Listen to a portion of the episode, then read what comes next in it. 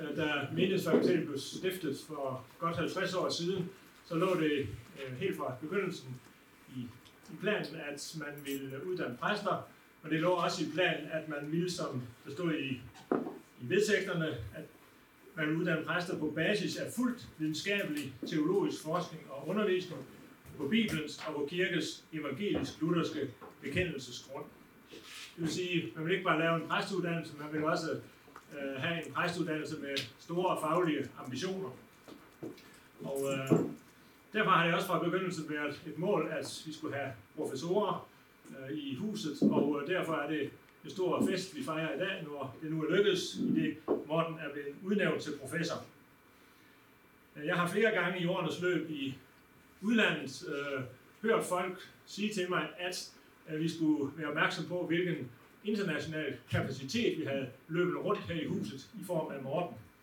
Øh, der var nogen, der kender hans arbejde og havde respekt for hans høje faglige niveau.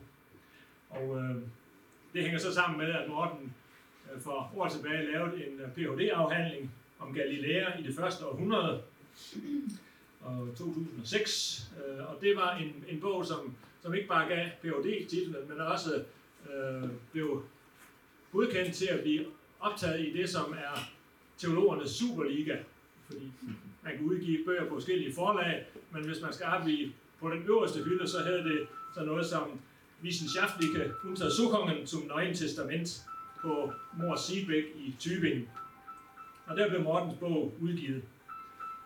Nu har han så øh, til med skrevet en bog mere om Markus Evangeliet, og det er den, vi skal have reception for om lidt. Den hedder The Gospel Between Emperor and Temple in the Gospel of Mark. Og øh, sandelig, om ikke også den er blevet godkendt til at udkomme på den der Superliga-gruppe øh, nede i Tyskland. De andre har nu heller aldrig været i tvivl om, at Morten var øh, kompetent til at blive professor, men øh, for at kunne blive det, så er der sådan en bestemt procedure, som skal overholdes.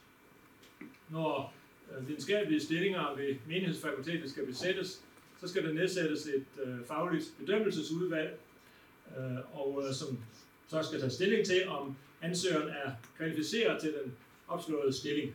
Øh, det gælder også, når der taler om at blive rykket op til professorniveau. Og i det her tilfælde, så bærer vi øh, professor emeritus Peter Legard om at være formand for sådan et bedømmelsesudvalg, og øh, så bad vi yderligere to eksperter om at være med i udvalget. Og de tre skulle så først og fremmest tage stilling til, om Morten Hørning Jensen kunne siges at leve op til krav om en høj grad af original videnskabelig produktion på internationalt niveau. Og derfor så bad vi to øh, internationale eksperter, øh, som hver for sig arbejder inden for Mortens område. Den ene er ekspert i Galilea på på Jesu tid, og den anden ekspert i Markus evangeliet, dem bad vi om at gå ind i, i øh, bedømmelsesudvalget sammen med Peter Legars. Og de sagde begge to ja med glæde, og de, som de skriver, vi, vi kender jo Mortens ørningsvidenskabelige øh, produktion i forvejen. Den ene hedder Roland Deines og er på Internationale Hochschule i Liebenzell i Tyskland, og den anden var Craig Evans, som er på Houston Theological Seminary i Houston, Texas. De tre har så siddet og vurderet Mortens øh, videnskabelige arbejder, to bøger og seks artikler, og så nåede de til et entydigt positivt resultat. Øhm, de skulle så i øvrigt også vurdere Mortens øh, kompetencer inden for formidling og undervisning og administration. Og øh, det faldt også positivt ud. Heller ikke til nogen overraskelse for os, der kender ham. Så det blev et meget tydeligt votum, der kom for efterhånden nogen tid siden, at Morten er kvalificeret til at blive udnævnt til professor. Det var faktisk allerede før jul, at resultatet forelå, men, men øh, nu fejrer vi det særligt i dag, fordi nu er, er bogen øh, udkommet, og I kan se den. Det er dejligt med sådan en festdag, som markerer en milepæl i Mortens karriere, og det er så også en, en milepæl i MF's øh, arbejde. Og øh, ja, dertil kan man så føje en personlig bemærkning, at Morten er en en højt skattet kollega i, i hverdagen her i huset, og højt skattet som lærer, så det er øh, i alle henseender en værdifuld medarbejder, vi, vi fejrer i dag.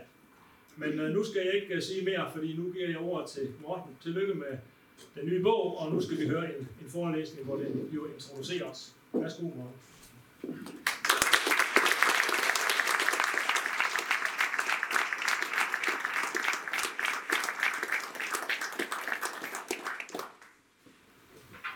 Ja, tak for det, Kurt. Det, øh, Giv mig det ikke passer, bare lidt sjovt.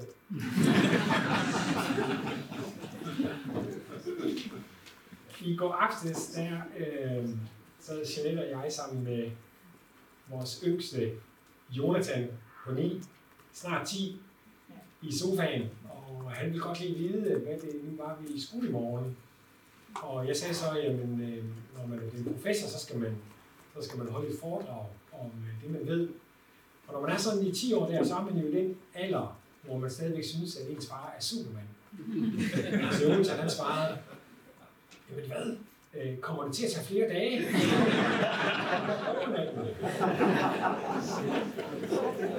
Man må altid have en søn på 9 eller 10 Og øh, det er rent faktisk også sådan, at det var lige ved det var kommet til at tage flere dage. I hvert fald, da jeg gik i gang med at forberede mig til det her efter sommerferien, voksede mit manuskript øh, dag for dag, og øh, jeg fandt ud af, at det går jo ikke det her. Øh, så da jeg var kommet op på 20 sider og ikke var kommet igennem, øh, smed jeg det i skraldespanden, og håber, jeg får noget af det en anden gang, og satte mig i stedet for ned for at skrive nogle korte noter. Og øh, jeg håbede på, at jeg ramte to sider, og hvad ved, jeg har fem siders noter her. Dog sådan, at øh, jeg har øh, det, den vigtigste pædagogiske læring, jeg har øh, fået igennem tiderne, det er, at øh, man skal bare fortælle nogle røverhistorier. Jo flere røverhistorier, jo, jo bedre går det. Så dem er, dem må altid passe til. Så øh, jeg kommer til, så godt jeg kan, og, og prøve at give øh, hovedindtrykket, det som vi lærte gennem den her proces med arbejde med bogen. Men vi skal også have nogle røverhistorier. Og vi skal nærmest sådan set starte med en, der ser sådan her ud, øh, og som viser et billede af det kontor, jeg havde på Teologisk Fakultet, øh, for jeg blev ansat her på Menighedsfakultetet. Fra den dag, hvor jeg skulle indlevere bogen til, øh, min PhD-bog til, øh, til bedømmelse. Og det er så ikke Jonathan, jeg sidder med der, men, men Oliver, den største af dem ude på kanten. Øh, hvor jeg altså sad og arbejdede med et emne, som jeg havde samlet op under min interesse for at, at være i Israel, Galilea. Ikke et emne, som direkte øh, handlede om Nye Testamente, men det handlede om den verden, hvor Nye Testamente blev til. Det var utrolig interessant, og jeg gravede og gravede, og jeg gravede så faktisk så meget, at jeg gravede mig selv ned i et hul. øh, så det skete, måtte jeg erkende, hvad jeg ikke troede var muligt, at arkeologien begyndte at kede mig. Jeg nåede til et punkt øh, nede i udgravningshullet dernede i Galilea, hvor det var at spørge mig selv, giver det her længere mening i forhold til det, du begyndte, den vision, du havde, da du begyndte at læse teologi? Øh, og det fandt jeg ud af, at øh, det havde det faktisk ikke. Jeg nåede øh, en eller anden dag slå løbet sådan set ned i mig også, så var det så støvet, at jeg ikke kunne trække vejret, at øh, jeg tog en indre beslutning om, at jeg skulle til at lave noget andet. Og det faldt sammen med, at øh, menighedsfakultetet slog en stilling op øh, som lektor i Nyt det her, som jeg søgte og fik, og blev kaldt over til samtale, efter det var faldet på plads ved Peter, Peter Legard, over på hans kontor, fordi vi skulle aftale, hvad det første forløb, vi skulle undervise i, det var. Og Peter har altid været en fantastisk kollega. Han har altid taget de svære ting, og så spurgt mig, hvad kunne du tænke dig? Det var altid sådan her. Og, han, og han, så for at gøre det nemt for mig, så siger han, kunne du ikke tænke dig at undervise i dit PhD, altså undervise i Galilea? Øh, hvortil jeg svarede ham, nej. ikke på vilkår. Jeg vil noget nyt. Øh, og det blev så i stedet for til, at jeg satte et øh, emne op øh, til en, sådan en bachelorøvelse, der var det semester, jeg skulle starte, som når jeg ser tilbage nu, øh, blev et øh, skilsættende øjeblik, et defining moment. Her er et billede, jeg kan godt se, det ser, det ser da glædeligt ud. Glædeligt ud, gør det ikke det? Det var en øh, lille gruppe af studerende, som tog med på en opdagelsesrejse i et emne, som jeg uden at vide specielt meget om det på forhånd, øh, ikke havde fantasi til at tænke, at man kunne stille et mere centralt spørgsmål. Nemlig, hvordan hænger begrebet Guds rige og korset sammen i Markus evangeliet? Jeg har lagt mærke til to ting på forhånd. Det ene det var, at i den tradition, jeg var en del af, der var det sådan en, en diskussion. Enten var man det ene eller det andet. Enten var man virkelig sådan en, en korsridder, eller også var man en gudsrig fanatiker. Det kan også være omvendt, hvis det er negativt. Men man var enten det ene eller andet. Man fokuserede man meget på korset, eller også meget på Guds rige. Så det var den ene jagttagelse. Den anden jagttagelse, jeg havde gjort på forhånd, var, at i Markus evangeliet hænger de to ting sammen. Så må Markus ville fortælle en historie om Guds rige og korset og deres indre sammenhæng. Så de gutter her tog øh, med på sådan en, øh, en undersøgelse, og, og deres energi øh, hjalp til, at øh, jeg tænkte, det er simpelthen det, der skal være mit næste fokusområde. Så jeg kryede på med at arbejde med det, sådan lidt on-off i årene efter. Øh, det her det er et, et, et, et, et skærmklip fra mit program OneNote, som, som er så flink, når man laver en ny note i det program, så skriver det, hvornår man har lavet den. Mm. Så her til i dag har jeg sådan kunne gå tilbage og se, hvornår, hvornår kom jeg i tanker med hvad, og hvornår lavede jeg hvad. Og det her det var så en, et udkast til, hvad jeg håbede blev et eller andet. Øh, måske en bog, måske nogle artikler. Og øh, hvis vi ser det her, så kan vi se, at der står fokus, skal I lære spørgsmålstegn. I begyndelsen af det her arbejde, der håbede jeg rigtig meget på, at jeg kunne bruge mit Galilea-arbejde lidt efter nogle broer tilbage til det, jeg vidste om. Jeg vidste virkelig ikke meget om, om Markus evangeliet, øh, i hvert fald ikke sådan forskningsmæssigt. Så sker der det under arbejdet med det her, at jeg opdager noget, øh, som ikke var nogen nyhed, i hvert fald så en 100 år gammel nyhed, men som jeg var helt uvidende om. Der var simpelthen blank, øh, øh, ingen, ingen udslag. Jeg vidste ikke, at den diskussion eksisterede. Nemlig, at der blandt teologer var en debat om, især ud fra Markus evangeliet, og så ud fra Paulus, især ud fra de to skikkelser i Nye Testamente, om hvad evangeliet betød, da de skrev det. En kæmpe stor debat, hvor især lutherske teologer var ved at blive af hinanden, og man kunne ovenkøbet sige lige præcis, hvornår det begyndte, og det skal jeg vise jer lidt, lidt mere om. Det begyndte i 1899, fordi man gjorde et arkeologisk fund. Og hvordan kunne jeg undgå ikke at høre om det nu, hvor jeg altid var interesseret i gamle sten og sten, men det havde jeg altså ikke. Og det ældste, jeg har kunnet finde i mine noter, siger 2013. Hvad står der helt præcis? Den 19. juni 2013 lavede jeg en ny note, hvor der står litteratur evangelion, som så er det græske ord for evangeliet. Og det overraskede mig virkelig, at der var så stor en øh, debat blandt øh, nytestamentlige teologer, at en sagde i 1925, så gammel er debatten egentlig, øh, evangeliet er det mest centrale kristne ord. Det betyder, hvad end den, der øh, skriver om det, ønsker, det skal betyde. Så der har man altså diskuteret sig frem til så forskellige definitioner, at man kunne putte hvad i kassen man vil, i hvert fald hvis man arbejdede med det teologisk. Og det overrasker jo især i en luthersk sammenhæng, som en anglikansk forsker på et tidspunkt siger den der debat. Det er især de lutherske teologer, det, øh, det bekymrer det her. Fordi vi jo har en tradition, som er funderet på evangelisk klarhed. Her et maleri fra Rigsdagen i Worms 1521, og vi behøver ikke engang at tage den på tysk, som man ellers kan på sokkerne. Øh, køb dem på sokker, ikke også? Altså her står Luther og kan ikke andet, mens munken og kardinalen ser noget så resten ud, som vi kan se derovre. Ikke? Altså han var kommet frem til en evangelisk klarhed, som ledte til en bevægelse og en reformation, som vi er en del af. Han skrev oven i købet en lille skrift med titlen, en lille vejledning i, hvad man skal søge og finde i evangeliet. Hvordan i verden, som, som jo så er det der har snedet sig ind i titlen for i dag, det kommer derfra fra Luthers skrift. Hvordan kunne det gå sådan, at det lige pludselig blev flertydigt, øh, plastisk, øh, eventuelt uklart. Jeg tænker virkelig også, når jeg tænker tilbage på, øh, på min, min egen studietid, at øh, det gik lidt til øst og lidt til vest, og lidt mod syd og lidt mod nord. Vi diskuterede alle mulige ting og forsøgte at finde retning og sikkerhed i, hvad vi skulle mene og alt muligt. Men jeg husker aldrig nogensinde, at vi diskuterede evangeliet. Det vidste vi ligesom, hvad var. Jeg tror, i virkeligheden en af grundene til at begynde at læse teologi var en situation som den her, nu har vi lige været i København med den dejlige nye overgang. Øh, og der står jeg i en, i en bluse, som er hypermoderne. Jeg skulle aldrig have set den ud har jeg fået videre af min datter. Og er i gang med at, at fortælle evangeliet på 30 sekunder.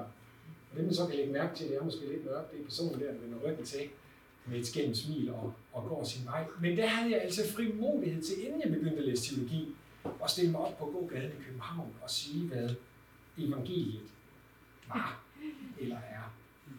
Så hvad i verden, altså hvad er det, der er med os teologer? Er det virkelig os, der ikke kan stikke en pind i en jord, uden at finde det hele? Eller er der kommet et fantastisk metode i 1899, som var holdt skjult for mig i hvert fald, som åbner op for en ny forståelse af evangeliet, som så står i modstrid i hvert fald med det, som jeg var vokset op i.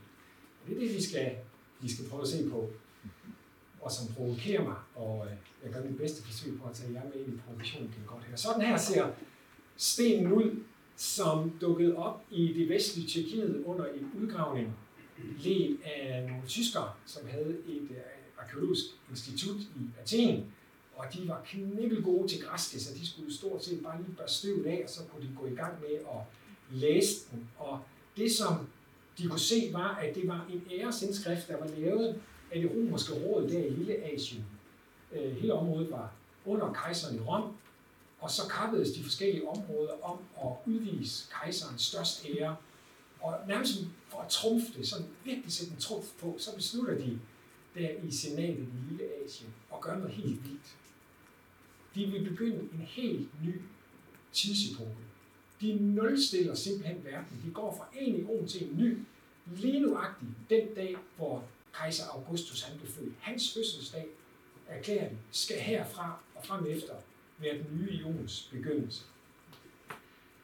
Og det, som så står i den indskrift, er den her sætning, som altså fik både arkeologerne og teologerne til at få kaffen galt i halsen. For ved vor Guds fødselsdag, og det er altså så kejser Augustus, begyndte de gode nyheder.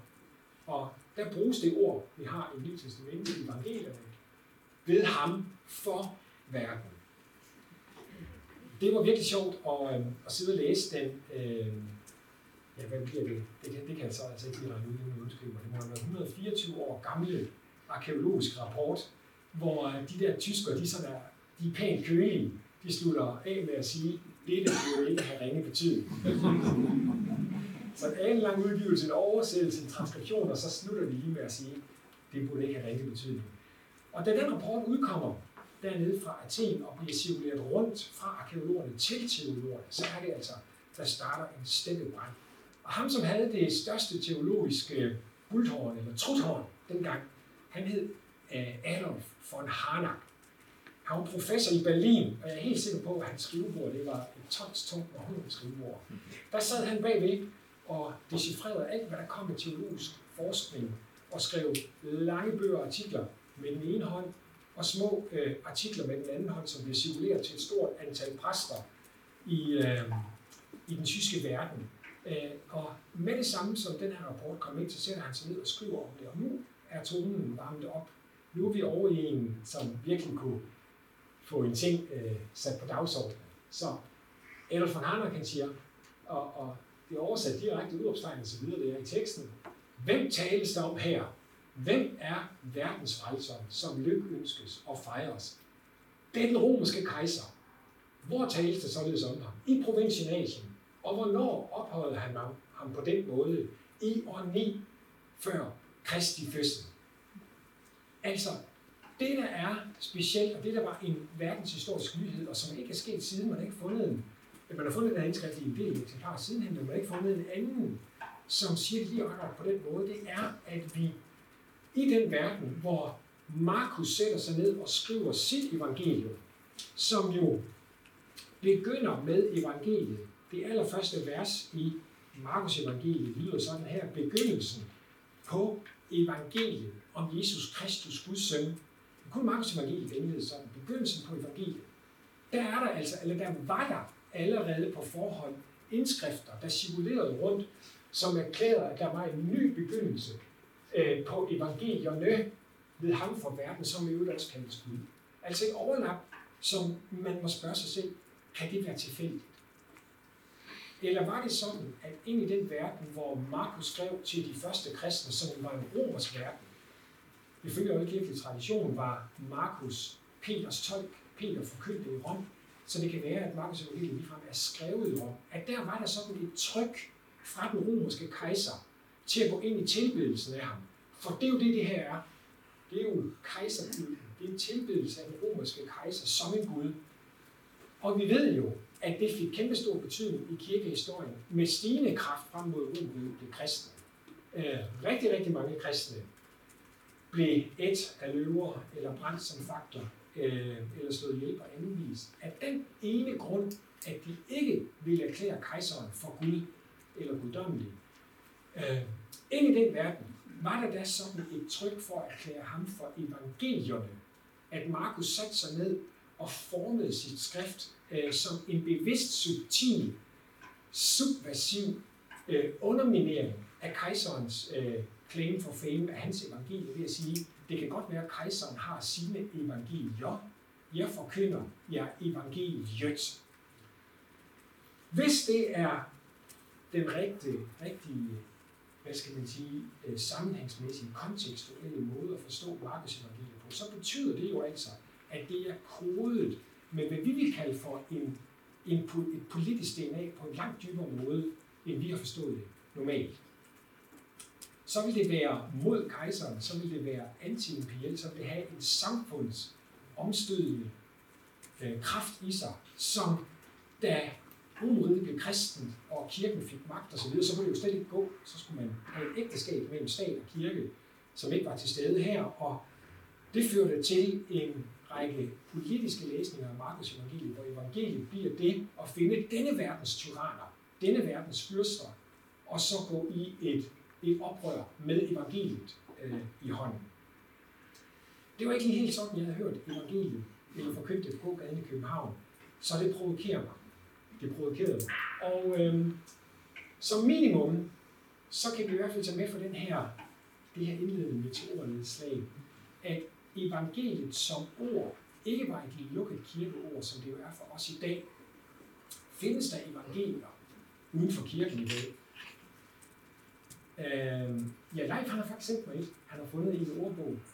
Så man kan være evangelisk stadig og jeg kunne rigtig, man kan bruge ordet negativt, det, det er en af definitionerne, der er på øh, ordnet.dk, og jeg kan rigtig godt lide det eksempel, der var, som vi så har fundet i en dansk tekst, nemlig en, en rød fagforening, der var blevet evangelisk stadig. Mm. Og det var pænt, at der sænke live, selvom man, at det var det røde, der stod for tur. Så i få tilfælde bruges ordet uden for kirken, men egentlig bruges det jo stort set kun af kirken. Som minimum betyder det her meteornedslag og øh, nogle flere tekster, som vi skal se på lige om lidt, at evangeliet altså var et forståeligt ord. Det var et ord, der var i spil i verden. Det kan godt være, at det ikke måske helt var øh, slang eller street language, som en forsker siger det, var i hvert fald et ord, der var kendt. Det overraskede mig. Og det er lidt til en, øh, en stor debat, som øh, fandt nogle yderligere problemer i forhold til kirkens traditionelle måde at forstå evangeliet på. Øh, det næste problem kan man kalde for det indre problem. Der vi faktisk ikke engang øh, ud over Markus Evangeliets første vers, hvor der jo altså står i vores danske oversættelse, begyndelsen på evangeliet om Jesus Kristus. Altså i betydningen, at Jesus må være indholdet af evangeliet. Men der er øh, i det græske sprog, der en en betydningsnuance, som man sådan kæmper med, når man første gang skal knække den kode i det græske. At, øh, at sådan en, et ejefaldsforhold, en genitiv, kan, kan betyde nærmest det stik modsatte. Den kan enten betyde, hvorfra noget kommer, eller hvad noget betegner, altså noget, som er subjektivt eller objektivt. Og øh, enden af de overvejelser, så får man to oversættelser, som betyder noget helt forskelligt. Altså, det kan betyde, som der står nederst begyndelsen på evangeliet om Jesus Kristus. Der vil han være indholdet, og der vil hans, hans død og opstandelse være det, som er evangeliet. Og det er den oversættelse, som er valgt i, i Bibelen fra 92. Men det kan lige så godt oversættes begyndelsen på det evangelium, Jesus bragte, eller mere præcis, begyndelsen på Jesu evangelium i betydningen, det han bragte. Og så bliver det så det subjektivt, og så betyder det, at Jesus ikke er indholdet, men han er så tæt knyttet til det, at han er, det, han er dets budbringer. Han er den sidste store profet, som bringer bud om, at nu kommer Guds rige. Så hvad er det egentlig, Markus vil sige? Ja, vi skal ikke længere ned i vers 14, for vi ser, at det har noget med Guds rige at gøre. Jesus træder frem og forkynder Guds rige. Men lad os sige mere end det. Er Jesus blot en stor profet, eller er han også indhold? Som den her store teolog Adolf von Harnack sagde, så er det i alene i det her spørgsmål, er det som om hele kirkens dogmehistorie står og vipper. På den ene side får vi liberal teologi, på den anden side får vi den objektive, den kyrigmatiske teologi. Øh, ja, så det kunne man da kalde et problem. Og ud fra det øh, vokser så et, et tredje problem, at vi er kommet til, nemlig at hvis det, som Jesus er kommet for, det er for at støde kejseren af tronen, og han i den proces identificerer sig så meget med, med de andre oprør, der blev stået ned i romerne. Han bærer kejserrigets ypperste straf, øh, nemlig korsdøden. Jeg har den korsdød så overhovedet noget at gøre med den gamle testamentlige tempelkult. I kirkens normale tradition har vi tænkt Jesu død som øh, udlagt over tempelkulten i det gamle testamente. Men hvorfor egentlig? Hvis evangeliet betyder opstand med kejseren, så det, det korsdød, det er jo at dø som et forbillede. Det er at vise, jamen, de, de har magten, og de kan kaste alt efter os. Men vi knækker det indenfra ved at, øh, ved at lide det. Og han har sagt, always look on the bright side of life. Øh, og dermed demontere den magt, romerne har i deres værste straf. Vi gør nærmest krig med det. Øh, og det fører så til en debat om, jamen, definerer Markus så i virkeligheden Jesu død som en soningsdød? Og er der i den forbindelse et, en linje tilbage til Isaias 53? Han citerer aldrig Isaias 53 direkte, men gør han det indirekte. Øh, Markus han siger, det vigtigste vers, som vi kommer til at vende tilbage til, øh, der forklarer, hvordan der står Jesu død, det er mit blod, pagtens blod, som udgives for mange. Øh, I sandsynligvis er Markus evangeliet det ældste, ældste evangelium. Det er, det er standardsynet inden for forskningen, og det tror jeg også er rigtigt. Øh, så når vi går til Matthæus evangeliet, så har vi at gøre med et evangelium, som er kendt til Markus evangeliet og indskriver stort set det hele. Og nogle steder så er der nogle græske konstruktioner, der er lidt menneskelige, der gøre sig nemmere, og andre steder så skrives der noget til, fordi der er noget, der skal udfoldes. Og lige nuagtigt det sted her, så skrives der noget til. Der siges nemlig, øh, det der mit blod, som pagtens blod, som udgives for mange, til syndernes forladelse. Og så en lille ændring kan teologer, kan forskere absolut ikke lade ligge. Hvad er det udtryk for? Er det bare at gøre noget tydeligt, der er der? Eller er det at hijacke øh, Markus' idé og gøre det til noget helt andet? Er det her, hvad der kommer til at ske i kirken, nemlig at det politiske samfundsomstød i evangeliet væk med kejseren, hvor man skulle lede øh, og dermed gøre grin, øh, lide lige på stress og dermed gøre grin af, hvad romerne havde at komme med, og så gør det til et indre øh, kirkeligt anlæggende. Så det var nok til at provokere mig. Og øh, hvis I sidder lidt uroligt på stolene nu og tænker, hvor ender det her, så er det et rigtig godt sted, lærte jeg engang på Aalborg Universitet. Man kan nemlig først lære noget, når man bliver provokeret.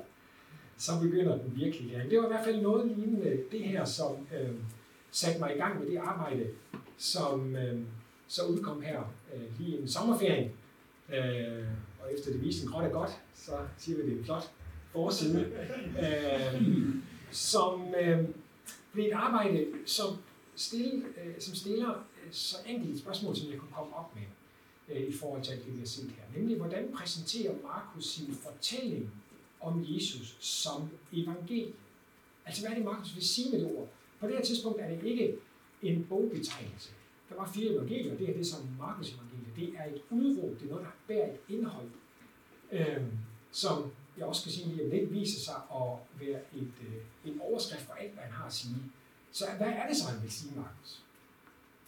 Øhm, og så har jeg også lidt om min arbejdstid, så absolut ikke, fordi jeg har lyst til at vi bruger så meget tid på det nu, fordi nu skal vi kaste os ud i det og se, hvad der sker der, og så gå lidt i den retning. Men mit, øh, øh, mit, øh, mit clue, så at sige, for at gå videre herfra, det var, at han vil bruge Isaias. Isaias kommer til at spille øh, nøglerollen for Markus, så vi skal finde ud af, hvad Isaias betyder.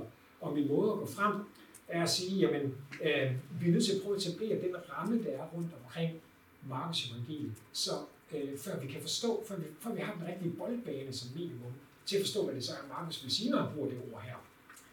Øh, så derfor så skal vi øh, så at sige på en evangelisk skattejagt, og det er det, vi skal som det næste, og det første i vores forsøg på så at se, om vi kan finde et, et solidt svar. Et svar, som øh, i hvert fald er så godt, det gennemgå i, i en diskussion på det her spørgsmål, som altså til synligheden har, hvad skal man sige, bredt nok i sig til at, at skalere mere eller mindre øh, alle de teologiske traditioner, vi har i vores kirkelige traditioner. Så det første, jeg fandt ud af, at man gøre, det var altså at prøve at etablere sådan en, en forståelse af det her ord, sådan som det var på hylden, da Markus tog det med øh, og gjorde det til overskrift på sin bog. Hvad, hvad, tænkte, hvad, hvad, hvad, vil han kunne, hvad vil han have kunnet tænke, øh, og hvad vil hans tilhører have kunnet tænke, når de hørte ordet evangelium eller øh, evangelium, da han forkyndte det? Og der fik jeg min første overraskelse, og det var en glædelig en af slagsen, nemlig at evangeliet viser sig at være rigtig sjældent. Det er kun brugt cirka 102 gange øh, i græske tekster forud for Nyt Testament. Altså forud for den kristne tro, så er det kun brugt 102 gange. Det var jo altså en glædelig overraskelse, hvis nu er det brugt 10.000 gange, så var jeg aldrig blevet færdig. Så er det brugt 102 gange. Og det var meget overraskende. Det er sådan, at alle de her tekster, vi har, de er skaldet ind i en computer, så det er forholdsvis nemt at gå til. De gamle tyskere, de måtte jo altså sidde og bladre i dem manuelt, og man får virkelig respekt for dem. Så, men det var en pointe i sig selv, at det var brugt sjældent. Der er jo en del andre ord for at kommunikere et eller andet, øh, som er brugt altså i 10.000 vis af gange. Det her ord er altså sjældent. Det næste er, at der er øh, mulighed for at lave en, en, en, en fællesnævner, en rimelig overbevisende fællesnævner for, hvornår man så bruger det. Hvor der er en, art grundbillede for brugen af evangeliet i de ikke-kristne øh, græske tekster forud for Nye Testamente, som ser nogenlunde sådan her ud, hvor vi i den ene side af billedet ser en dejlig græsk by, hvem har ikke lyst til at komme på sommerferie der, og bruge det meste af dagen, og så kunne der godt lige bade en halv time til sidst, ikke også, men se en gang. Det, der bare er problemet, det er, at uden for den by, i den anden side af billedet, der foregår der en krig. Og det er derfor, der næsten ikke er nogen mennesker derinde, den forsamling, der er derinde. Det er de gamle mænd, som ikke har kraft nok længere til at bære et svær. Det er de unge drenge, som ikke har fået trænet musklerne nu til at bære et svær. Og så er det kvinderne og eventuelle øh, handicappede, altså dem, der ikke vil kunne bære et svær. De er krybet sammen derinde, fordi deres sønner deres mænd og deres fædre, de er ude på slagmarken uden for byen. Og øh, spørgsmålet bliver nu, hvad er det næste, der kommer til at ske her? Enten så kommer der nogen mod byen, som har en magt til at bryde porten op, som er låst, plyndrer byen, brænde dem ned, røve, hvad der er tilbage af værdier, voldtage øh, kvinderne, og sælge dem som slaver, som vil kunne bære en værdi på slavemarkedet. Eller også, så vil der hen over marken komme en person løbende, øh, et evangeliepostbud, et indbud, som bringer bud fra slaget her tilbage til de ængstede inde i byen, øh, med følgende, vi vandt slaget, jeg udråber evangelier, jeg udråber de gode nyheder, vi vandt slaget. I langt hovedparten af de græske tekster, vi har som bruger evangeliet, der er det her, der er grundbilledet. Det er altså det epokegørende sejrsbudskab. Det er krigsbudskabet. Det gik ikke, som vi frygtede. En ny dag begynder. Mørke har vendt sig til lys. Øhm, en ny verden øh, begynder for os den her dag. Så dermed så har vi altså at gøre med et budskab, som er reserveret til nogle helt særlige tidspunkter, hvor alt står på spil. Øh, og netop i dag, hvor Danmark hjælper Ukraine, så er det jo sådan en situation, vi er i her, hvor hvornår kommer det sejrs budskab til dem? Måske er der, jeg ved ikke om der er nogen tilbage, der kan huske sejrsbudskabet fra 2. verdenskrig, det er der måske knap nok øh, her i forsamlingen, men det var sidste gang Danmark oplevede det, og det var altså en, en meget kendt ting i den romerske verden. Så det bedst tænkelige budskab er det der grundbillede. Det betyder også, at man øh, var interesseret i at betale for det. Så hovedmåden, man bruger det på i de her 102 steder, det er som gode nyheder. Krigen blev vundet. Øh, en afledt betydning, eller en afledt brug deraf, det er, at man kunne betale evangelier. Man kunne modtage evangelier. Fordi det var så fantastiske budskab, så den evangeliebudbringer, som kommer løbende ind med det, han kunne forvente at få en pris for det. Øh, mange gange så var det en sejrskrans, man kunne blive bekranset med evangelier. Øh, andre gange så var det en klump kød. Det var det i Sparta. Jeg tror, I en at gå ind på der. Og andre gange igen, så var det en, øh, en kontant betaling. Øhm, og den kunne der altså være øh, intens kamp om. En af gamle kilder fortæller en drabelig historie om to, der spændede om kap med hinanden for at komme først for at fortælle det. Den historie er, der, en, ikke den historie, men en lignende situation er der jo i det gamle testamente. Uh, nå, men uh, i den her historie, der er der så en, der kommer først og får det, der hedder evangeliet førstepladsen. Og ham, der så kom nummer to med budskabet, dermed havde en bekræftende rolle, han fik evangeliet andenpladsen, og dermed øh, på den mindste løn for det. Han bliver så sur over det, laver så meget ballade, den konge, der modtager han bliver så træt af ham, at han satte ham op på stejle med ørerne siden, og havde flydende bronze igennem øret på ham, så med den betaling, han kunne tage med øh, som evangeliet. Så de gode budskaber, som der var løn i, det lyder som, det lyder som fagforeningssnak næsten. Som for det tredje, det er den tredje betydningsnuance, som man kan samle det i, fører til evangelieoffre. Øh, det er sådan en, et fast udtryk, vi møder øh, i de græske tekster, at man kan ofre evangelier. Og hvad vil det sige?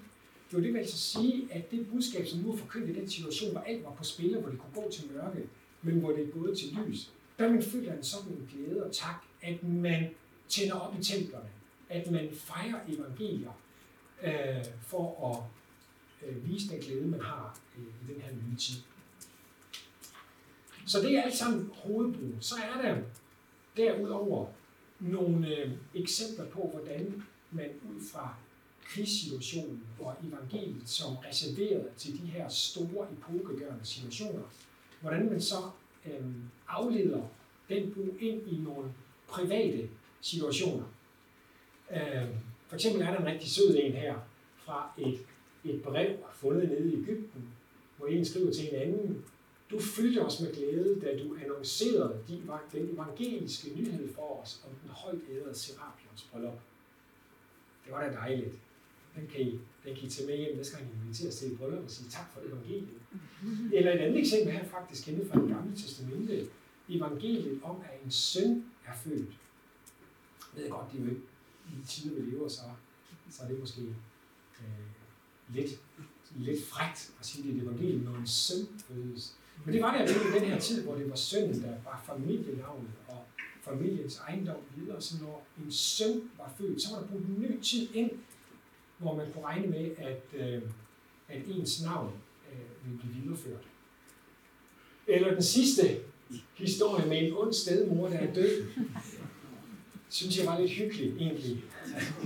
Som handler om, øh, øh, om en, en mand, øh, hvis en søn, hvis mor dør, og faren øh, gifter sig så på ny, og den nye mor, han så får vise sig at være en ond mor, som tiltager sig magten over faren og får bagtalt sønnen, så han sidst er, til sidst er nødt til at drage i landflygtighed og sidder ude på en ø, indtil en af hans gymnasiekammerater, eller hvad det har været, kommer roende ud til ham og råber, evangeliske nyheder, evangeliske nyheder, din, øh, din stedmor er død.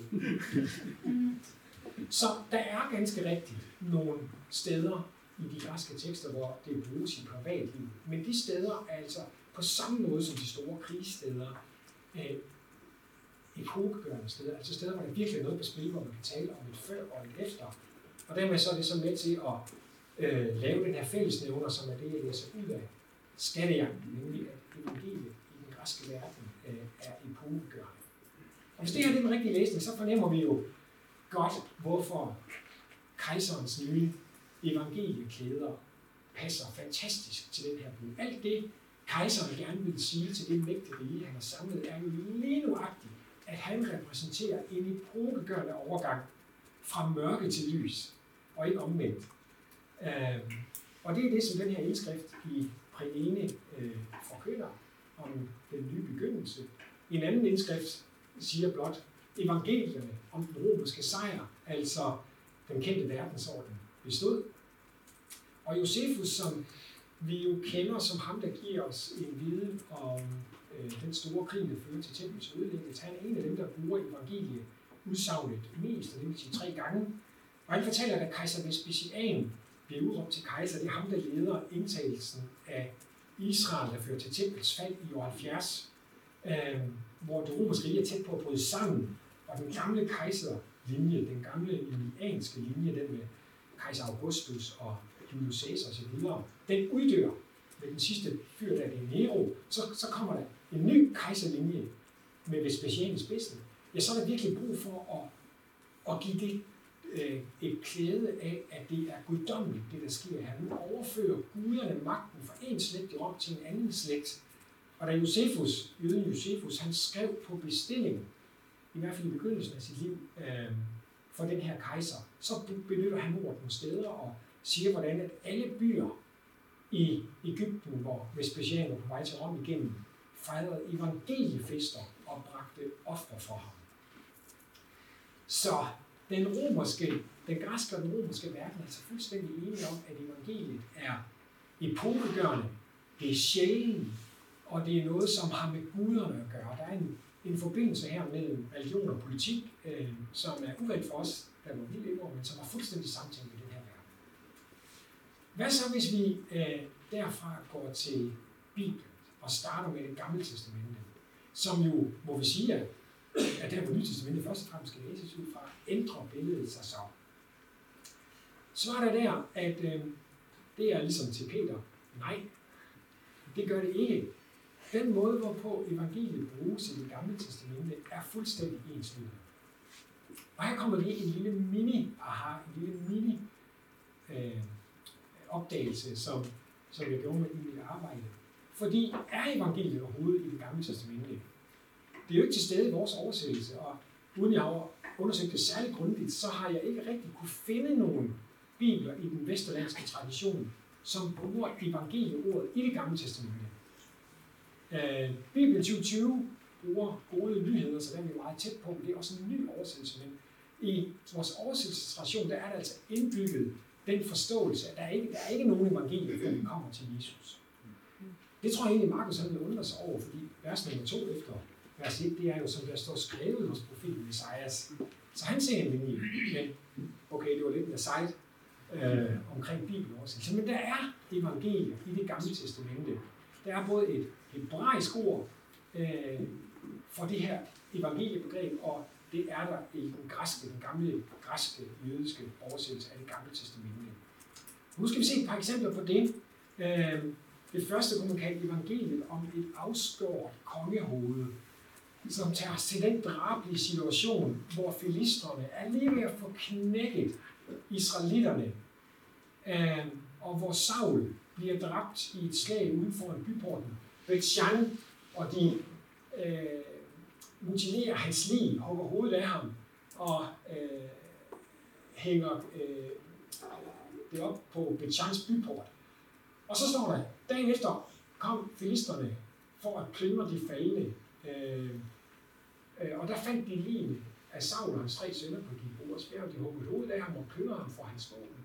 Og så sendte de bud rundt i filisternes land for at bringe sejrsbudskabet til deres skudebilleder og til folket. Dette sejrsbudskab kunne man med sproglig ret ganske enkelt oversat øh, evangeliebudskabet. Det er det, der står der. Så, og her fornemmer vi jo præcis det samme, som vi ser i de græske tekster. Det handler om for dem at se en epokegørende sejr og det har noget at gøre med at, at takke og tilbyde i templet. Så der blev udråbt evangelium tilbage i Astot, og hvor de ellers havde deres byer. Et andet eksempel kunne være, hvad man kunne kalde for kong Davids evangeliedrab. Der bliver begået et evangelisk drab. Det var jo også en overraskelse for mig. I det gamle testamente er ingen ringere end kong David, fordi der var nogen, der var klar over, at der var et fjendskab mellem Saul og David. De tænkte, vi kan da slå mønt af det fjendskab. Så vi løber som de første og fortæller om, hvordan Saul er død, og så håber vi på, at David han vil betale os øh, evangeliet for det. Nu skal vi høre, hvad David han siger det, eller hvad David sagde til det. Så sandt Herren lever, som har udfriet mig for al nød.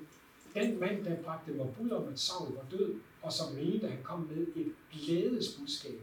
Ham ville jeg gribe og dræbe i Sikla. Det var de budpenge, jeg gav ham. Og der burde egentlig have stået der kunne man i hvert fald godt have oversat det som, det var de evangelier, jeg gav ham. Det var et svær igennem maven. Så de første eksempler her viser os, at det gamle testamentets brug af evangeliet er fuldstændig parallel med den brug, der er i øvrigt. Altså med krig, sejr og overgang til noget nyt at gøre. Så skal vi se et par eksempler fra salmernes bog, hvor vi rykker over i den betydningsnuance, som har med templet at gøre. Så det har rigtig meget med, med krig og sejr at gøre, men den krigssejr, man så vinder sig, den ønsker man skal annonceres ind i templet. Og derfor så finder vi nogle steder, tre i alt og to af dem er her, i salmernes bog, hvor vi får en fornemmelse af, at i den liturgi, der var inde i øh, øh, israeliternes tempel, i det første tempel, der indgik evangeliet i visse situationer. Der er jo rigtig mange ting, vi godt gad at vide, som vi ikke ved. Men der er ingen tvivl om, at om, om hvordan de brugte øh, Davids salmer og de andre salmer. Der er ingen tvivl om, at de brugte dem liturgisk. Øh, og den ene her, salme 40, har formodentlig været, i hvert fald i en periode af dens liv, en personlig salme, som man kom til efter, skal vi sige, øh, stor nød af en art, sygdom eller sult eller andet, så kom man til templet og bad om at få den sunget som sådan en art personlig takkesang. Og det viser sig så, at det er en art personlig evangelisk takkesang. Øh, måske sang man den selv, måske fik man en lille til at synge den. Der står der, jeg vil forkynde, hvad der er ret i den store forsamling. Og det er altså øh, formodentlig tempelforsamling. Jeg holder ikke min hjemme lukket. Det ved du, herre. Det, det jeg vil forkynde, det er evangelieordet igen. Jeg vil evangeliet annoncere for alle folk, der er i templets foregår den her dag, at nu har Gud Herren set til øh, min lidelse og nød. Han har fjernet mørket, så det bliver lys, Der er sket noget epokegørende i mit liv. Der er faktisk der er noget, der tyder på, at der var kvindelige evangeliesangere i templet, så i 68 ser det sådan ud. Herren lader sit ord lyde, stor er skaren af kvinder med glædesbud, som forkynder. Igen, vi ved ikke præcis, hvad der er sket, men nogle forskere øh, genetablerer situationen sådan, at der kunne stå kvinder et sted i templet, og så synge øh, evangeliet ud. Og hvis nogen af jer har oplevet en mellemøstlig begravelse, så ved I, hvor højt kvinder kan synge bare lige nok. øh, så det er altså ikke et, et budskab, som virkelig kan høres, øh, der er sket i forandring. Alt det her bringer os så nu til Øh, det vigtigste og mest interessante sted i det gamle testamente, for det vi jo er på jagt efter, nemlig at forstå, hvad Markus vil sige. Øh, og det er Esajas' bog. Det er det, fordi at Markus siger det der, han har sin linje fra, og det er det, fordi det viser sig efter alle måder, man kan bedømme det gamle testamentets evangelium på, så er det Esajas, der er hovedstedet. Vi har rent faktisk at gøre med, hvad man kan kalde for Esajas' evangeliske epo her. Det, som går i blodet og gør, at man kan tage et bjerg mere.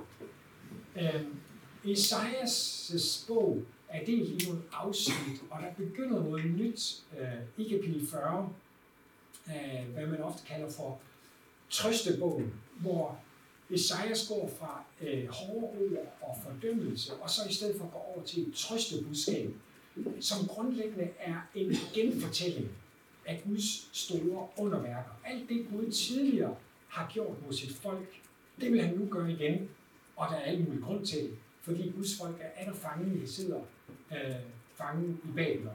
Og den store handling i Guds historie med sit folk Israel, det er udflydelsen af Ægypten. Men det er ikke den største. Der er en, der er endnu større, og det er skabelsen. Og Esajas tager udgangspunkt i udfrielsen fra Ægypten og transponerer så sit budskab, sit udfrielsesbudskab, sit exodusbudskab derfra og så op på skabelsesniveau. Ja, Herren trøster, siger han trøster alle hendes ruiner. Han gør hendes ørken som ed. Altså, der skal ikke bare være en vej gennem ørkenen, som på Moses tid. Vi skal helt tilbage til udgangspunktet. Alt mørke, ondskab, ødelæggelse, destruktion skal nulstilles, så der kommer fryd og glæde øh, igen. Øh, og i øh, Esajas' bog fornemmer man fra kapitel 40 og så frem til kapitel 52 især en bevægelse. Der starter en bevægelse i kapitel 40, hvor udfrielsen finder sted, hvor Herren går foran, øh, og hvor evangeliebudskabet skal forkyndes for første gang til Sion, at nu sker det i den ene side af billedet. at Herren udfrider sit folk, og der er en, der skal løbe afsted og give det her budskab. Øh, fordi nu er der, øh, at de skal berede sig, der er en vandring på vej, som på den ene side er en krigsmars. Gud Herren beskrives i Isaias' sprog som en mægtig kriger, der løfter sin arm, og som bringer alt i orden, bringer alt uret til ret.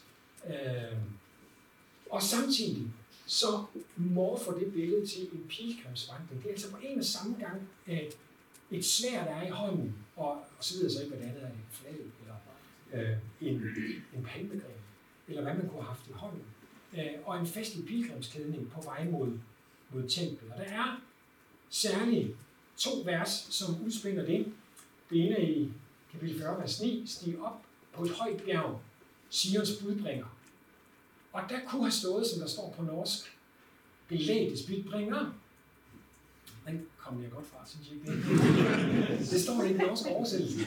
Og det burde også have stået her, fordi det er det, det er. Det er der kunne også godt stået evangeliebudbringer. Øh, råb højt, Jerusalems evangeliebudbringer. Råb uden frygt og sig til Judas byer, her kommer jeg skud. Det er det der evangelie, at Gud er på vej til at komme tilbage til sit folk. Og det sker så i kapitel 52, vers 7, øh, hvor vi har det evangeliske ord igen, hvor herligt lyder budbringerens fodtrin hen over bjergene. Han forkynder fred, han bringer godt budskab, han forkynder frelse, han siger til Sion, din Gud er konge. Så evangeliet her i Esajas, det er altså, at Gud vender sit folks skæbne, som han har gjort det tidligere. Bare nu med evangelisk epo, der tager os tilbage til skabelsens morgen, og genetablerer den situation, som er det definerende ved Edens have. Hvad er det definerende ved Edens have? Det er, at Gud vandrer med Adam og Eva. Han er nær sit folk. Så der er et, et evangelisk udråb i Isaias kapitel 62, vers 6, som er helt fantastisk på arabisk. Undskyld, hebraisk, det er det sikkert også på arabisk, det er altså ikke ud af, men der står på hebraisk.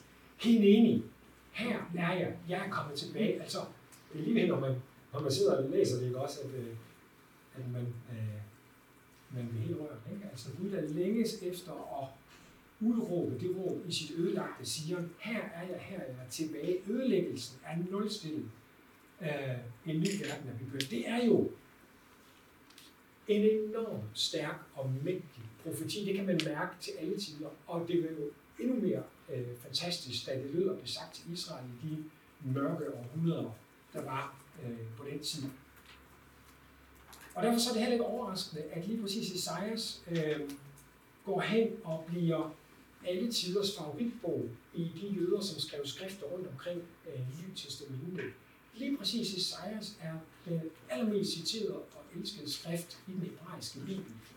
Øh, I de tekster, som bliver til rundt omkring Nyt Testamentet. Det er skrift, der er fundet til allerflest eksemplarer i Koran for eksempel, og som bliver deres fundatskrift, den ørken, der skal blomstre, regner de med at være lige ved derude i ørkenen.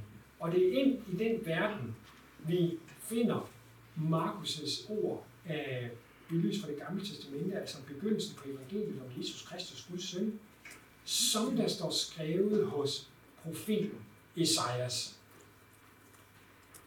Og så kan vi tillade os at sige, øh, så langt, så godt. Men har Markus ikke et kolossalt problem, hvis det er det her, der er evangeliet? Hvis evangeliet grundlæggende er den epokegørende krigssejr om Gud, der vender mørke til lys og nederlag til sejr og ødelæggelse til nyskabelse, har Markus så ikke et kolossalt problem? Hvordan, øh, hvordan gå fra, fra et budskab, der rummer alt det her øh, om en epokegørende krigssejr og tempeltak, og så til en beretning, som i det centrum, uanset hvordan vi vender og drejer det, har en død mand. Er Markus evangeliet evangelisk? Har Markus forstået evangeliet, eller har han ikke forstået evangeliet? Øhm, det er det, vi skal prøve at stressteste nu. Hvis vi tager den her baggrund for evangeliet, sådan som det var defineret rundt omkring i Markus evangeliet, hvad er det så, Markus vil sige, og hvordan i verden kan indlede skriften med at sige begyndelsen på evangeliet om Jesus Kristus, Guds søn, når den person, kan fortæller om, ender på et romersk kors. Og det er så her, vi ikke skal have det store korsforedrag. Øh, jeg har skrevet to kapitler i forbindelse med det her arbejde, som ikke blev til noget. Det ene var et om jødisk renhed, gammeltestamentlig renhed, og det andet det var et om romersk korsfæstelse. Øh, de ligger i skraldespanden og, og samler støv. Øh, men, øh, men sagt ganske kort, øh, så har kirken til alle tider haft utrolig vanskeligt ved at håndtere romersk korsfæstelse. Vi har faktisk i Aarhus den, næsten det bedste mulighed for at se det illustreret. Hvis vi går ned under vores frue kirke, er der øh, et eksemplar af det, som, man kan kalde, som hedder Åby Korsets værk Nationalmuseet, som er det ældste øh, krucifiks, øh, der er fundet i Danmark, et middelalderkors, men daterer det vist nok til år 1050, hvor vi jo altså ser, Jesus ser Kristus som en, en sejrherre, så hvad laver han der? Står han som sejrherren, eller står han som den korsfæste? Det kan man jo næsten ikke se, fordi det billede, man vil fortælle videre der, det er Kristus som sejrherre, altså et billede, der vil passe perfekt ind i den romerske verden. Det, vi sidder på den anden side, er også en mand, der sidder sådan, bare med en helt anden position. Måske er det en anelse uklart, øh, men jeg tog det med, fordi at det er et af de ganske få, vi har under fem gengivelser af, hvordan romerne korsfæstede. Det her det er en blodstensamulet, der bliver solgt som sådan et beskyttelsesmykke, øh, hvor i ordet Kristus optræder. Øh, så er der lidt nogle andre ord, der gør, at forskerne er i tvivl om, om det er en kristen amulet eller en, en, en hedensk amulet, hvor Kristus indgår som en, der kan beskytte en mod det værst tænkelige, nemlig at komme op og hænge på korset. I hvert fald er det Kristus, der er afbildet der. Formodentlig mens man stadigvæk korsfester, og ikke engang sikkert, det er en kristen. Og der får vi en fornemmelse af, hvad romers korsfæstelse var. Prøv at se, hvordan armene er spændt ud, hvordan benene er ads spredt ud til siden, og hvordan personen er nøgen.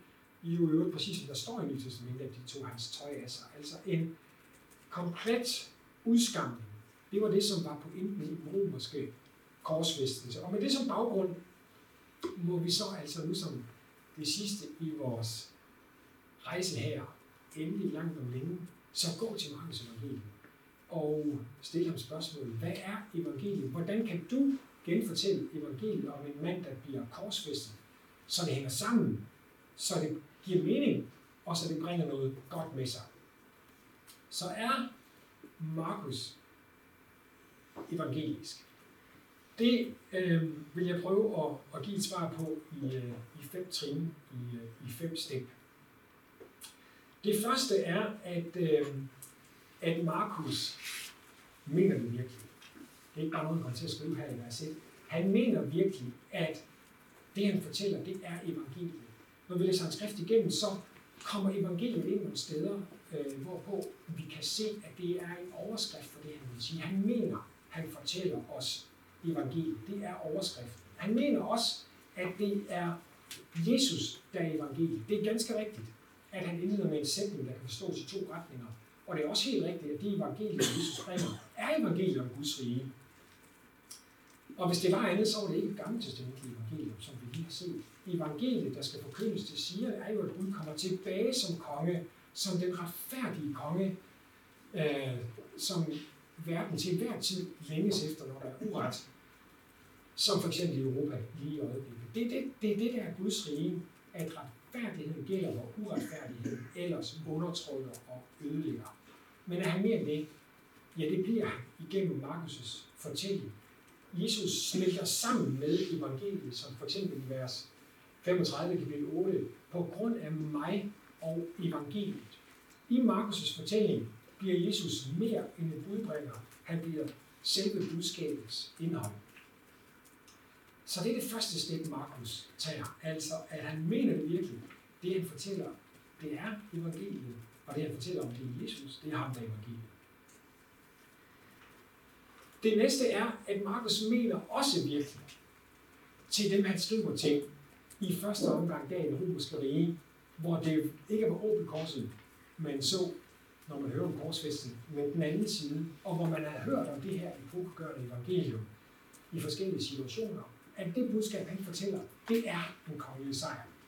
Det er virkelig det, han vil fortælle os. Så han designer flowet i sit evangelium som en genfortælling af den isaianske sejrsmars, der begynder ude i ørkenen ved døberen, øh, med et citat lige nøjagtigt fra Isaias evangeliet, kapitel 40. Øh, der er en, der råber i ørkenen, bag en herrens vej gør han stier jævne. Så Markus vælger det sted, som har allermest evangelisk epo i sig, og siger, nu kommer opfyldelsen af det her vers. Det begynder ude i ørkenen.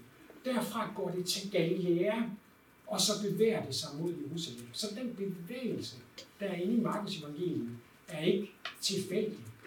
Øh, en tilfældig pilgrimstur med nogle søde studerende, som, hvor man skal have et dagsprogram til at gå op. Det er en evangelisk bevægelse, en israeliansk evangelisk bevægelse, som er forudsagt, og som han nu skriver sin fortælling om Jesus ind i, fra Galilea til Jerusalem. Og den går den vej som en kongelig sejr. Alle de beretninger, vi læser om, for eksempel her i Trinitatis tid i kirken, hvor Jesus gør det og det og det og det, er ikke fyldstof, for vi kan komme til det egentlige, men er noget, der må ske, hvis Jesus skal være en opfyldelse af det isaianske udfrielsesevangelium. Så som perler på en snor i Markus evangeliet, det er sejlet til at sætte Jesus op mod de destruktive kræfter, der var i samfundet. Øh, sygdom, død, besættelse, sult, undertrykkelse, naturens destruktive kræfter. Dem, de kaster sig over Jesus, og det viser sig i alle de her situationer, at Jesus altså der nok epokegørende sejrsbudskab i sig til at vende øh, ulykken til lykke. Højdepunktet i, i den her del af Markus evangeliet, synes jeg, er i kapitel 7 37, hvor, hvor folket udbryder, han har gjort alting vel, som har et ekko, en, en resonans fra øh, det mest fantastiske vers i skabelsesberetningen, hvor Gud ikke bare siger, det er godt, men siger, det var meget godt. Eller som der står på hebraisk, det var tov med ord. Og det er sådan en slang, man kan høre på, på gågaden i Israel i dag. Det er bare fedt. Det var mega fedt, det her. Så han har gjort alting vel. Den skal nok også lige pusses lidt op i næste, i næste oversættelse måske. Han har gjort alting mega fedt. Øh, som altså resonerer det sted, hvor Gud hviler, ser ud på sin verden, hvor alting er vævet lige nøjagtigt, som det skal være. Hvor luften er tyk af lykke og fred og harmoni. Det var folk, der udbrød, da de så, hvad Jesus var i stand til at gøre. Og opstandelsen er med os og med i Markus evangeliets beretning. Øh, lige fra begyndelsen af hele vejen igennem. Hvis vi fortæller evangeliet uden at fortælle om opstandelsen, så har vi i hvert fald ikke fortalt Markus evangeliets evangelium. Så det er en sejr. Markus' evangelium er fuldstændig øh, konkurrent med den måde, man brugte evangeliet på i det gamle testamente i græske, i græske tekster. En evangelisk kongelig sejr. Men step 3 er så, og jeg ved ikke, om jeg skal bruge men der, i virkeligheden skulle jeg nok bruge og, hvis jeg var Markus, at Markus mener yderligere, at korset er evangeliet.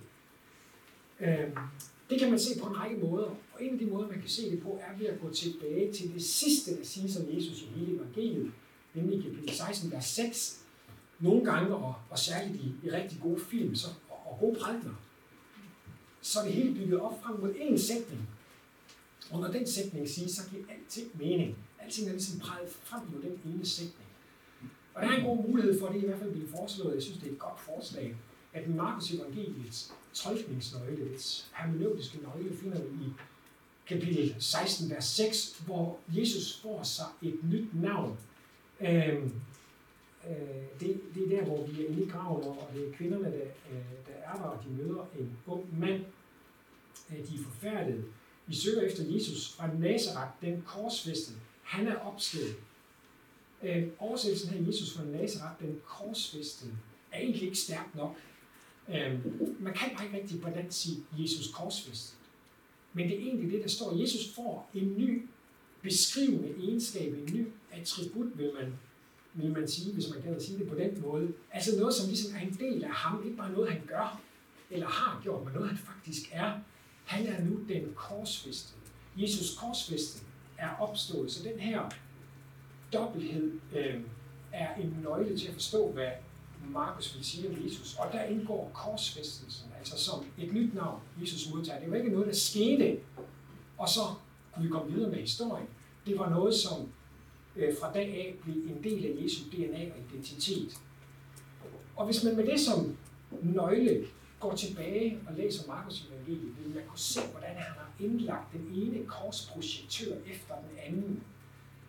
Øh, de havde jo ikke sådan helt mulighed for at lave fodnoter og skrive med, med, med rødt, som jeg forsøger her, kan I se, min bedste pædagogiske ord, når, da de skrev tekster i det gamle øh, Grækenland. De måtte i stedet for bruge nogle retoriske figurer, som kunne hjælpe tilhørende til at, at høre efter, ikke falde i søvn og tænke, nå, jeg har ikke hørt før. Og sådan en retorisk figur, det er det, som man inden for litterære videnskab kalder forudanelse eller foreshadowing. Så når det sker, så bliver vi mindet om, at det er jo sagt før. Og øh, vi har ikke bare tre lidelsesforudsigelser i Markus evangeliet. Vi har en hel række, som Markus er gået i gang i længe inden vi kommer til korset, vi begynder begyndt at pege på korset. Vi har også, hvad man kunne kalde for en klimatisk syndstruktur, hvor vi ved indledningen i dåben får at vide, Jesus er Guds søn, så kommer vi på bjerget, som er et absolut højdepunkt i Markus' fortælling, hvor vi ser Jesus i hans herlighed og det, han er Guds søn. Og så er der en, et sted mere, hvor det siges, nemlig da han hænger på korset, hvor den romerske centurion siger, at han er Guds søn. Så der skaber Markus en forbindelse hele vejen igennem evangeliet, fra dåben til ophøjelsen på bjerget, til ophøjelsen på korset, som jo altså binder dem sammen og siger, at korset må være en del af det, som Markus vil sige om Jesus.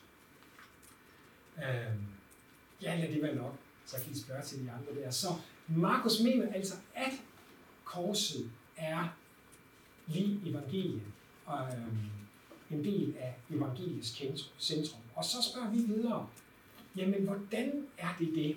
Hvordan i alverden kan korset gå hen og blive en del af det, som Markus forstår som et sejrsbudskab, som sejrsbudskab bødt? Og det mener jeg, han fortæller os øh, gennem to ting. Det ene er det vigtigste tydningsord, det vigtigste forklaringsord, som vi har været forbi, og det andet er gennem den vigtigste guddommelige handling i Markus evangeliet. Så det vigtigste sted, hvor vi får at vide, øh, hvordan Markus øh, forstod sin død, øh, hvordan Markus forstod Jesu død, hvordan Jesus forstod sin død, så altså Markus gengiver det.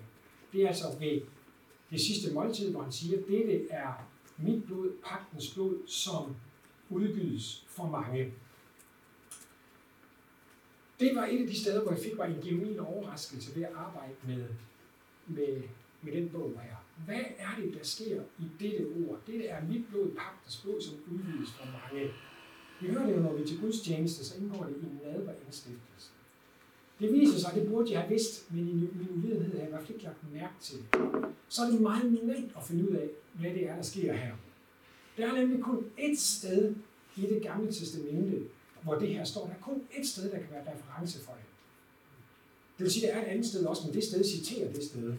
Og det sted, det er øh, Sinais bjerg, pakslutningen på Sinai bjerg. Det er det eneste sted, som det et sted i Sarabæses som øh, gengiver, hvad der skete på Sinai. Og det, der skete på Sinai bjerg, er i hele den gamle testamentlige struktur, hele den store fortælling i det gamle testamente, en enestående handling. Det er det eneste sted i det gamle testamente, at folket får stænket blod på sig. Det er det eneste sted i det gamle testamente, hvor folket som helhed får en opgave, hvor alle de unge mænd kommer frem og skal give præster og for de dyr, der skal bruges til, til ofre. Det er det eneste sted, hvor 70 på folkets vegne, 70 af de ældste, skal gå et skridt videre op på det hellige bjerg. Og det er det eneste sted, hvor de får at vide, at de skal sætte sig ned og spise. Og så står der, at da de selv sætter sig ned og spiser, spiste, så så de Gud. Det vil sige, der står skulet her med det. Skal lægen også ændre sit næste oversættelse. De så Gud, står der. Og så tænker vi jo med vores flenografbillede fra Søndagsskolen øh, i baghovedet, det kan man jo ikke i det gamle testamente. Man kan jo lige nu ikke se Gud og leve i det gamle testamente. Og det kan man heller ikke få kapitler efter, hvor Moses øh, gerne vil have en gentagelse. Det er bare egentlig meget godt, det der kan få lov at se igen, og det kan han så ikke. Men det sted her kan man. Det her sted her ved pakten er der et glimt af lige præcis skabelsens morgen, Edens have, hvor Guds nærvær er til stede i en sådan grad, at folk kan se Gud. Så det er et enestående sted i, øh, i folkets historie. Vi er på den allerøverste hylde i frelseshistorien. Og det er det sted, øh, Jesus griber til øh, i tydningen af sin død. Den afgørende handling øh, får vi så i kapitlet efter, hvor vi læser i vers 38, og forhænget for fem i templet flængedes i to dele fra øverst til nederst. I Marks evangeliet står det som den guddommelige reaktion på Jesu død. Vi mangler faktisk et svar fra Gud på det her tidspunkt. Gud har været tavs i Gethsemane haven. Der kunne der godt have sagt en trøstende ord, hvor han er. Han er tavs, da Jesus hænger på korset. Men da Jesus dør, reagerer Gud med en handling, som omformer templet på en måde, der ikke kan omgøres. Han kunne godt have nøjes med at trække forhænget fra, så kunne man kigge ind, så kunne det trækkes til igen. Men det ord, der bruges, er det ord, der svarer til at rive noget i stykker. Der bruges ikke ordet åbne, men der bruges ordet sønderige, ødelægge. Så den guddommelige reaktion på, på Jesu død bliver dermed, at Jesu død, hvorfor, eller på hvorfor spørgsmålet, hvorfor kan korset indgå i en sætning, som har med evangeliet at gøre, at det lige nu bliver den dybeste opfyldelse og genfortælling ifølge Markus evangeliet, med ifølge den kristne tro, på hvordan Gud kan genskabe den situation, som vil være den allerstørste og mest epokegørende sejr, vi kan forestille os. Hvor hinenien gentages, hvor Guds nærvær, vandringen i haven, øh, på ny er blevet til virkelighed. Det fører så til det sidste step, øh, som er en udfoldelse af det, kan man sige. Så hvis korset, øh, altså at korset indgår i evangeliet, er det første, og det andet det er, at øh, den måde, det gør det på, er ved at gentage og nyopfylde pakslutningen, men på en måde, som ikke var momentan og en gang, men som er evig og uomgørlig, ja, så bliver det sidste så her at spørge, jamen hvorfor er korset evangeliet af de grunde? Altså, hvad nytter det til? Hvad er det, der sker her? Og der vender vi tilbage til et spørgsmål, som øh, I sikkert tænker på, kommer der så med et svar på det? Nemlig, har det her så noget med synd at gøre? Har det her noget med synd at gøre? Ja, hvad er det, pagten giver? Her kommer vi til øh, et andet af de ting, som, bliver nok det sidste, af de ting, som virkelig overraskede mig, og hvor jeg har taget læring med, øh, som jeg bliver nødt til at stå ved, selvom jeg på en måde vil egentlig godt kunne tænke mig, at, øh, at det havde været lidt anderledes. Men så langt som jeg kan se det, så er det, Markus vil sige her, at det indhold, det frelsesmæssige, det soteriologiske, soteriologiske indhold, han ligger i Jesu død, øh, i den måde, han øh, laver øh, fortællingen på, er, at korsstødet udvirker en fornyelse af Pax fællesskab. Det er en relationel bestemmelse. Det korset giver, er en genetablering af venskab med Gud. Evangeliet betyder, at venskab med Gud kan reetableres på grund af Jesu død og opstandelse. Jamen har det så ikke noget med, med synd at gøre? Øhm, ja, det, det korte svar er jo, at det siger Markus ikke. Der er ikke noget sted i Markus evangeliet, det ældste evangeliet, hvor der står, at Jesus dør for synd. Så det sidste spørgsmål, vi har tilbage i bunken her, det er, men kunne Markus have ment det? Eller står det her i modsætning til for eksempel Matthæus evangeliet? Og det har jeg lyst til at svare på på, på to måder. Øh, det ene, jeg har lyst til at sige, det er, øh, ja, det tror jeg. Jeg tror, at Markus forstår Jesu øh, liv og død som et evangelium, som medierer og fjerner synden. I hvert fald så har han tidligere i kapitel 2 været inde på, at menneskesønnen har myndighed til at, at gøre noget ved synden. Så øh, det bliver et ja. Men det andet, jeg har lyst til at sige, og som er et korrektiv til mig selv, og som I bestemmer, om det også er et korrektiv til jer, det er, at på spørgsmålet om, findes der noget større end tilgivelse? Jeg stillede faktisk for lidt tid siden spørgsmålet til en god ven, der sidder her i forsamlingen. Og selvom han er plus 60, så kiggede han på mig og målede øh, og, og tænkte, jeg var tosset. Findes der noget større end syndstilgivelse? Og til det er svaret, ifølge Markus evangeliet, ja, det gør der. Det, der er større end syndstilgivelse, er pagtsfællesskabet med Gud. Det er omgørelsen af det, som er det egentlige problem i syndefaldet, nemlig afstanden til Gud. Så der findes noget, der er større, nemlig fællesskab med Gud i Jesus. Det er som midlet og målet. Tilgivelsen af synden er midlet til det, som er den egentlige evangeliske stjerne, sådan som Markus fortæller det, og som han øh, fortæller på en måde, som man overhovedet ikke kan være i tvivl om det. Hvem man ellers har været i meget Markus forstander og anklager for at have en dårlig sociologi. Det kan simpelthen ikke fortælles tydeligere og klarere, og det er der, Markus lægger al sin vægt. Øh, og så udfordrer Matthæus det lidt, og øh, Paulus udfordrer det forskellige andre steder, men Markus lægger al sin vægt på at sige, at evangeliet er omgørelsen af den afstand, der kom ind i syndefaldet, og dermed så bliver evangeliet øh, relationelt. Betyder det så, at øh, hvis vi i vores tradition er overrasket over det her og har haft en, et overfokus på, på synden som evangeliet i ental, at så skal vi så have en periode nu, hvor vi øh, negligerer det og overfokuserer på fællesskab? Det vil jeg godt nok mene vil være en dårlig idé. Øh, det er ikke det, jeg siger altså. Jeg mener, at vi skal sætte foden, den, den rigtige ned, fod ned først, men vi skal tage den anden med. Altså hjertet og stjernen i evangeliet, som Markus fortæller det, er fællesskabet. Men medieringen med synden er absolut en del af helheden.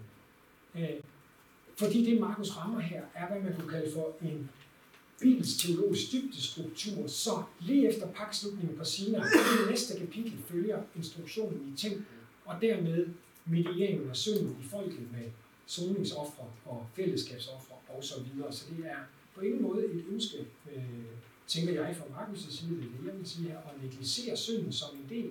Men da Markus skal fortælle det enkelt, klart og tydeligt, så hans romer skal til, at kan høre det, så giver han os hjertekernen og stjernen, han giver os det fra den øverste hylde. Evangeliet er skabelsens morgen. Og det synes jeg faktisk giver en, en fantastisk øh, glæde, ikke skyld, skulle jeg lige til at sige, en fantastisk lys ind over nadvåren, som man for eksempel jo kan opleve her i Aarhus i Christianskirken, at når vi går til nadver, så går vi til fællesskab og nærvær øh, med dem, som gik forud, og dem, vi kommer til at møde igen. Så amerikanerne, hvis nok, de har et udsagn at sige, hvad er det, du vil sige så in a box? Nu skal vi have, nu ikke flere noter. Nu skal vi, nu skal vi vide, hvad er det, du vil sige. Jeg dristede mig til på side 462 i bogen og lave mit korteste afsnit, der hedder Marx øh, Evangelium in a box. Så alt det, jeg har forsøgt at sige her, hvis jeg øh, bliver tvunget op i et hjørne af jer, og bliver bedt om at sige det i en sætning, så bliver det den her knudrede sætning. Ifølge Markus er beretning om Jesus evangelium. Og for at være præcis, evangeliet. Fordi Jesus gennem sit liv, død og opstandelse genetablerer pakfællesskabet med og nærvær til Gud gennem kongelig sejr og tempelkultisk fornyelse. Tak for ordet.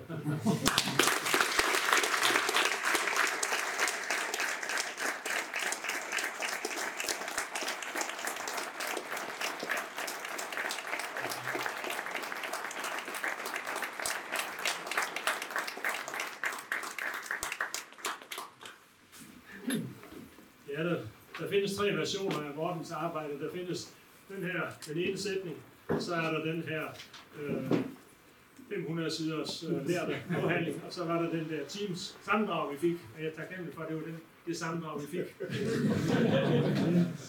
Tusind tak for det. Det var jo simpelthen stof til mange prædikner her øh, for bestillerværende præster og kommende de.